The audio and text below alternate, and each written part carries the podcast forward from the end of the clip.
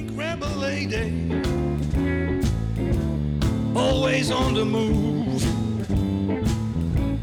Pink rebel lady, she makes you find your groove. Hey, super dat je weer luistert. En vandaag gaat het eh, over jou misschien wel. Want het gaat vandaag eh, een stukje over eh, feedback die luisteraars konden doorsturen rond deze podcast. Want het is heel veel over mij gegaan, maar ik vind het ook belangrijk dat het een beetje ja, over jullie gaat, of, of over jou gaat, of over dingen die je wil weten. Of ja, dat vind ik gewoon super belangrijk. Dus eh, ik ga beginnen met de, ehm, de eerste vraagstelling. En ehm, ik ga hem even voorlezen zonder dat ik de wet van de privacy eh, overschrijd. Dus hi Willemijn, als trouwe luisteraar van je podcast eh, loop ik soms wel een paar weekjes achter. Maar je vraagt nu in de laatste om feedback of suggestie- suggesties. En je wil graag weten of ik als luisteraar iets van je podcast kan meenemen in mijn levensloop. Ik heb bewondering voor je openhartigheid en eerlijkheid. De podcast, welke ik wel meerdere malen heb beluisterd, is die van familie. Oei. En ook degene waarin je het verschil uitlegt tussen het mannenbrein en het vrouwenbrein. Ja, dat heb ik meer teruggekregen in reacties van, eh, van de luisteraars. Dan geeft ze wat eh, context eh, over haar familie.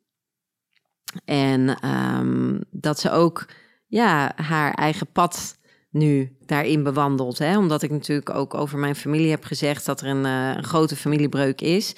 En dat in die loop van eh, die familiebreuk ik eigenlijk ook liefdevol eh, onze wegen respecteer en laat scheiden. ehm, om te herenigen of niet. En, en beide zijn goed.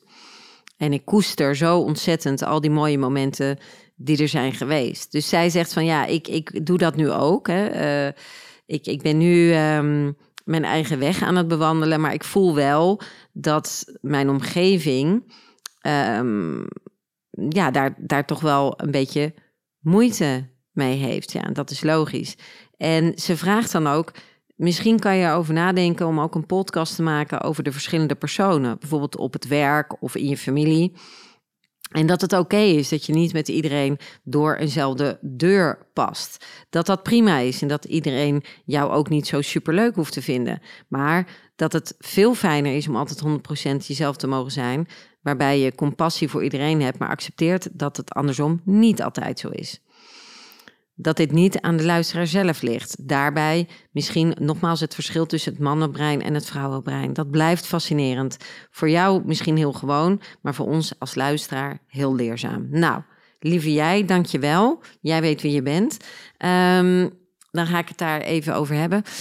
Het is zeker oké dat je op je werk of in je familie niet met iedereen door dezelfde deur kan. Dat zou ook maar raar zijn, want dan krijgen we een soort Oompa Loompa cultuur. En dat eh, lijkt me ook niet de gewenste situatie. Dus wat ik zou voorstellen, is dat we ietsje meer, en, en, en men weet dat ik eh, de twee woorden compassie en mededogen heel graag gebruik. Eh, en dat is nu niet anders. Ik ben echt fan van die twee woorden, mededogen en compassie. Omdat ik vind dat er structureel wat aan schort. En dat wij met veel mededogen en compassie wat meer naar elkaar zouden mogen luisteren. Of mogen kijken. Het is een vaststaand feit dat iedereen die op je werk kent, of die op je werk rondloopt, dat die ehm, jou niet echt kent. Jullie kennen elkaar eigenlijk niet. Jullie kunnen alleen de performance ratio analyseren van elkaar, de competenties, de resultaten die jullie op het werk neerzetten. Op basis daarvan ken je elkaar. Je kent elkaar door eens te praten hoe het weekend was aan de koffiemachine. Of je kent elkaar omdat je alle twee rookt en je gaat samen sigaret buiten roken en je kletst daar over collega X, Y of Z. Maar echt kennen, eh, dat is niet altijd het geval op het werk. Dus dat wil zeggen dat heel veel mensen invulling gaan geven aan de ander. Want daar zijn mensen ook dol op. Invulling te geven over hoe die ander dan maar zal leven. Of hoe die ander over mij denkt, kijkt, voelt. Ehm, daar zijn we heel veel mee bezig. En dat is zo jammer, want daardoor leg je de macht en de kracht bij de ander. Terwijl die persoon kent jou niet en jij kent die persoon niet. Dus ga geen veronderstellingen maken. En ga al zeer zeker geen invulling maken over hoe de ander naar jou kijkt. Of hoe jij denkt dat hij over jou denkt. Dat, kan, dat weet jij niet. Je mag jezelf niet het recht toe-eigenen om te denken dat jij weet wat iemand anders over jou denkt. Dat is niet oké. En of je nou Jomanda heet of niet, dat is gewoon pertinent niet oké. Dus niet doen. Het enige wat je kan doen, is dicht bij jezelf blijven, inderdaad. En in volledig vertrouwen uh, zolang dat goed voor jou voelt en wetenschap, te kijken vanuit mededogen en compassie naar de ander. Als een collega op het werk komt en je hoort die roepen en, en tieren tegen een andere collega. Ah, je rijdt in een vuile bus van, het wa van de wagen en dat kan toch niet? Of sorry, je, je, rijdt in een lelijke bus van het bedrijf en dat kan toch niet? En die moet je poetsen en dat, je hebt geen respect voor het bedrijf. En, ba, ba, ba, ba, ba, ba, en die is maar aan het knallen tegen, tegen iemand anders. Nou, ik ben geen Jomanda, ik ben geen waarzegster, ik ben wel een welzijnsexpert. Die man die zo aan het roepen is, die zit even niet zo lekker in zijn vel. Dat is een vaststelling. Dat is geen rocket science. Uh, dat, uh, dat snappen we allemaal. Maar wat je als collega dan wel kan doen, is die man even apart nemen en even vragen hoe het met hem gaat. En dan wordt hij in het begin nog bozer. En dan blijf je hem rustig aankijken. En dan zeg je gewoon: Weet je, ik ben oprecht bezorgd om je. Want hoe je nu aan het schreeuwen bent, is niet leuk voor mij als collega en voor die andere collega, maar is ook niet leuk voor jou. Dus, en als je die met mij wil delen, is het ook oké. Maar ik wil echt dat je weet dat ik echt wel weet hoe het met je gaat. Want we zijn wel collega's, we werken voor hetzelfde bedrijf. En ik vind het gewoon heel belangrijk dat we elkaar helpen. Meer niet. Ja, jij moet mij niet helpen. Dan zeg je, oké, geen enkel probleem. Ik wil dat ik wil dat gewoon even met je delen. En sorry dan als het niet voor jou oké voelt. Laat het dan ook gewoon bij die ander. En dat is veerkracht. Laat het niet binnenkomen. Neem het niet persoonlijk, want het is ook nooit persoonlijk. Dat is ook dat verhaal met die man met, met die bloemen. Ik denk dat ik dat ooit wel eens heb verteld. Ik weet niet zeker, maar dat ik mijn auto snel had geparkeerd met vier pinkers aan om even snel mijn bloemen te halen bij de bloemwinkel en ik kwam buiten en er stond een, een man te gillen en te tieren dat ik uh, op de busstrook stond en ik kon toch allemaal niet en uh, ba, ba, ba, ba, ba, ba. En in een nanoseconde, want toen was ik nog niet zo uh, geleerd als student als ik nu ben, van, van, met de wetenschap van de kwantumfysica en, en, en noem het maar op in een nanoseconde kwam het heel even binnen. Want ja, iemand die zo staat te roepen en te schreeuwen en te zwaaien met zijn armen, dat, dat is heel bedreigend ook wel. Dus ik dacht, je eetje. En toen ineens dacht ik, nee, nee, nee. Ik ga nu eens kijken naar compassie en mededogen naar die man. En, um, en toen zei ik, meneer, bent u wel oké? Maar ik meende het echt, want ik dacht, die meneer is niet oké. Die krijgt eigenlijk een hartinfarct. En hij schrok. Want hij dacht natuurlijk, zij gaat helemaal mee in de apeshitness. En dat deed ik dus niet. En, uh, en hij schrok en, en, en er viel dus even in stilte. En toen zei ik, ja, meneer, u bent, ik denk niet dat u oké bent. Wat is er gebeurd, zei ik. Want ik wist, dit heeft niks met mij te maken. Nou, lang verhaal kort, die heeft daar... Uh, terwijl ik mijn bloemen nog steeds vast had, heeft hij uiteindelijk huilend in mijn armen gestaan. En had hij ruzie gehad met zijn vrouw, want er was iets gebeurd met zijn dochter. En hadden ze een meningsverschil over. En dat zat hem zo diep. Dus uiteindelijk is dat gewoon een hele lieve, goede man. die heel erg uh, betrokken en bezorgd is over iets wat thuis is gebeurd. En ja, woede is voor ons als mens vaak een uitlaatklep om iets eruit te gooien waar we zelf niet mee om kunnen. Of waar we zelf geen weet meer hebben hoe we dat moeten oplossen. Er zit een stukje onmacht in. Vaak als we boos zijn, zijn we eigenlijk boos op onszelf. En, uh, ja, en dan gaan we dat projecteren op een ander. Dus een boze collega die heel erg in zijn ego zit, daar schuilt iets anders onder. En 9 van de 10 is dat altijd iets emotioneel. En dat kan niet zijn binnen hemzelf of haarzelf, of iets met zijn familie of haar familie, of met een goede vriend, of maakt niet uit, of, of met de partner. Maar dan, dan zit er een laag onder wat zich uit als woede. Dus bij deze, als jij eh, binnenkort nog een collega hebt of iemand in je omgeving hebt die apeshit gaat, probeer vanuit mededogen en compassie naar die situatie te kijken en er anders mee om te gaan. Zit ik alweer op de helft van de tijd van deze podcast, dus ik ga de andere helft gebruiken voor mannelijk en vrouwelijk brein. En uh, in de komende podcast gaan we nog veel, uh, ga ik nog veel, gaan we, ga ik nog veel feedback geven. We is ik, ik ben niet meer alleen. Uh, naar jullie vragen van jou als luisteraar of luisteraars. En gaan we ook nog heel veel andere leuke dingen doen. maar ik zal nu eerst even doorgaan op het vrouwelijk en het mannelijk brein. Als je het filmpje nog niet hebt gezien en ik weet niet meer zal ik dat nu even voor je doen? Ik ga dat nu voor je doen. Ik ga nu even kijken hoe dat uh, filmpje ook weer uh, heet. Van Men's Brain. Dus ik tik nu ook letterlijk in Men's Brain versus Woman's Brain. En dan krijg je A Tale of Two Brains. En A Tale of Two Brains is van Mark, Mark Gungor. Gungor. En die legt dat schitterend uit. Dus wat hij eigenlijk als, ik geloof dat hij psycholoog is, wat hij uitlegt is dat hij dus zegt dat, het, uh, dat de neurale verbindingen in het brein van een man heel anders zijn dan de neurale verbindingen van een vrouw. Nou, dat zal je misschien niet zo enorm verbazen, maar het, want daar zijn we allemaal, uh, bij wijze van spreken, getuigen van en ervaringsdeskundigen in het leven van. Maar wat wel belangrijk is om te weten, is dat het, het mijn vrije interpretatie is dat het mannelijk brein vanuit de oertijd zich heeft ontwikkeld op een specifieke manier, omdat het mannelijk brein, de man, was verantwoordelijk voor de bescherming van het gezin en uh, het, uh, het eigenlijk uh, jagen naar voedsel. Dus die moest veel meer risico's, bij wijze van spreken, nemen. Um, en op avontuur gaan om vlees op tafel te brengen. En uh, alle uitdagingen die op zijn pad kwam te trotseren. Door te vechten, door whatever. En dus dat, dat brein moest zeer uh, gestructureerd bijna werken.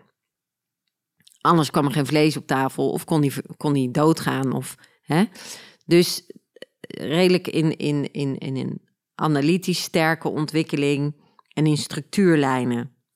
Het vrouwelijk brein daarentegen uh, was vanuit de oertijd voornamelijk om te zorgen, te voederen, de baby aan de borst te houden, te koken, te zorgen dat er in, de, in het gezin veiligheid gecreëerd werd door de man die beschermde. Dus zij maakte het veilige frame. Dat iedereen zich veilig voelde, dat het gezellig was. Kaarsjes aan, uh, bedjes maken, opruimen. Ja, daar had die man natuurlijk geen tijd voor, want die moest gaan jagen als ochtends vroeg. Om te zorgen dat er s'avonds eten uh, op tafel kwam, want zij kon klaarmaken. Dus dat vrouwelijk brein, ja, is ook met veel meer in verbinding. Uh, heeft baby aan de borst. En tegelijkertijd is ze misschien, uh, ik zeg maar wat, een gerecht aan het lezen wat ze gaat koken. En dat brein is wat uh, minder gestructureerd. En dat bedoel ik positief. Hè? Dat loopt, daar lopen wat meer dingen door elkaar heen.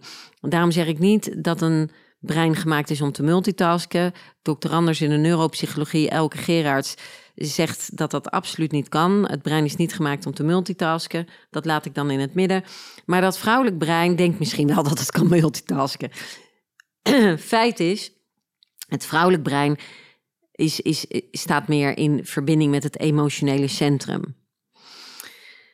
Nou, dan is het dus geen rocket science dat een emotioneel geladen brein tegenover een analytisch gestructureerd brein. Ja, dat kan wel eens clashen natuurlijk, hè? Dus dat mannelijk brein, dat heb ik de vorige keer ook uitgelegd en, en die meneer uh, van dat filmpje legt het ook heel goed uit.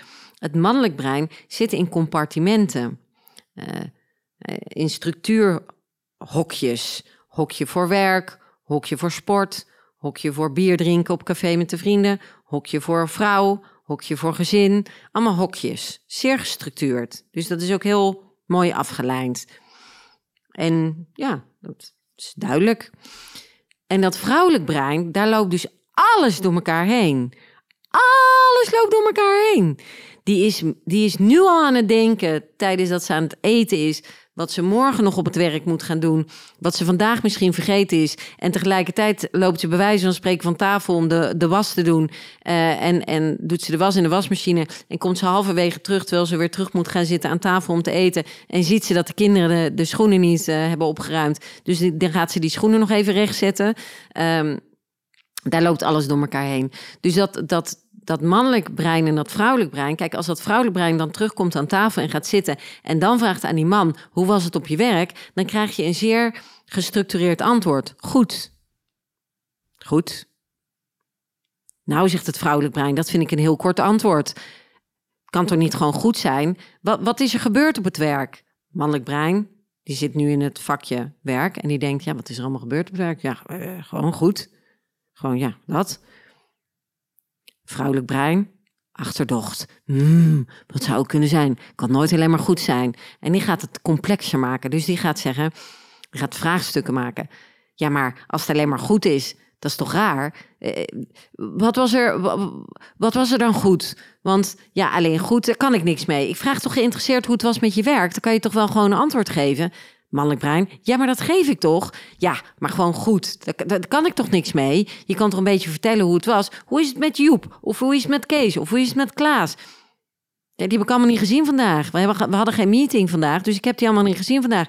Ja, maar je kan me toch wel iets vertellen? Nou, uh, dus weet je wel, dat is, dat is hetzelfde om mee af te sluiten dan uh, degene waar een man het nooit mee kan winnen. Dit is de meest gevaarlijke. Vrouw, ze gaan uit eten. Vrouw komt, ze gaan op date night, nog beter. Vrouw komt naar beneden en ze zegt: Heb ik niet een te dik uh, kont in dit jurkje? Ah, wat je hier ook zegt, jongens. Vanuit het mannelijk brein bedoel ik dan. Dit is een last calls. Want elk antwoord wat jij geeft. Ja, is zeer moeilijk. Het enige wat je kan zeggen is: Maar schat je hebt helemaal geen dikke kont. Je staat prachtig in alles. Maar dan gaat ze zeggen: Ja, dat geloof ik niet. Dat is helemaal niet waar. Dus eh, wat je ook doet, het is zeer moeilijk, dit verhaal. Dus het is, uh, wat is daarop uh, dan het beste antwoord wat je kan zeggen? Niks zeggen. Niks zeggen. Er naartoe lopen. Er in de ogen kijken. Er een dikke knuffel geven en een kus. En zeggen: Schat, ik hou van je. Dat is eigenlijk het beste antwoord. Maar niet direct antwoorden op die vraagstelling.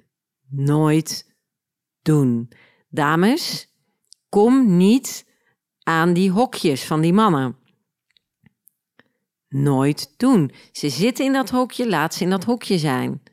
En als je een verbindend gesprek wilt, dan doe je dat met rust. Dan doe je dat met open vraagstelling. En dan doe je dat bijvoorbeeld met humor. Als Jacco thuis zou komen, die zegt tegen mij, als, als hij thuis komt: uh, hoe was het op je werk? En hij zegt goed. theoretisch begin ik gewoon meteen te lachen. Dan zeg ik, nou, dan zal het wel goed zijn. En dan laat ik het ook los. Ja, wat moet ik dan verder nog? Dat is toch goed? Let it go. Nou, lieve mensen, dit was het weer. Let it go, let it go. Ik, uh, misschien kom ik hier later nog op terug, mannelijk, vrouwelijk. Dus inderdaad wel een heel leuk topic, ook om mee te spelen. Dus uh, ja, dus misschien kom ik hier nog op terug. Heb je nog tips, tricks, voor waar we het nog over moeten hebben? Let me know. En voor nu, carpe fucking. En ik spreek je niet later, maar je hoort mij wel later, hoop ik. Toedeloe.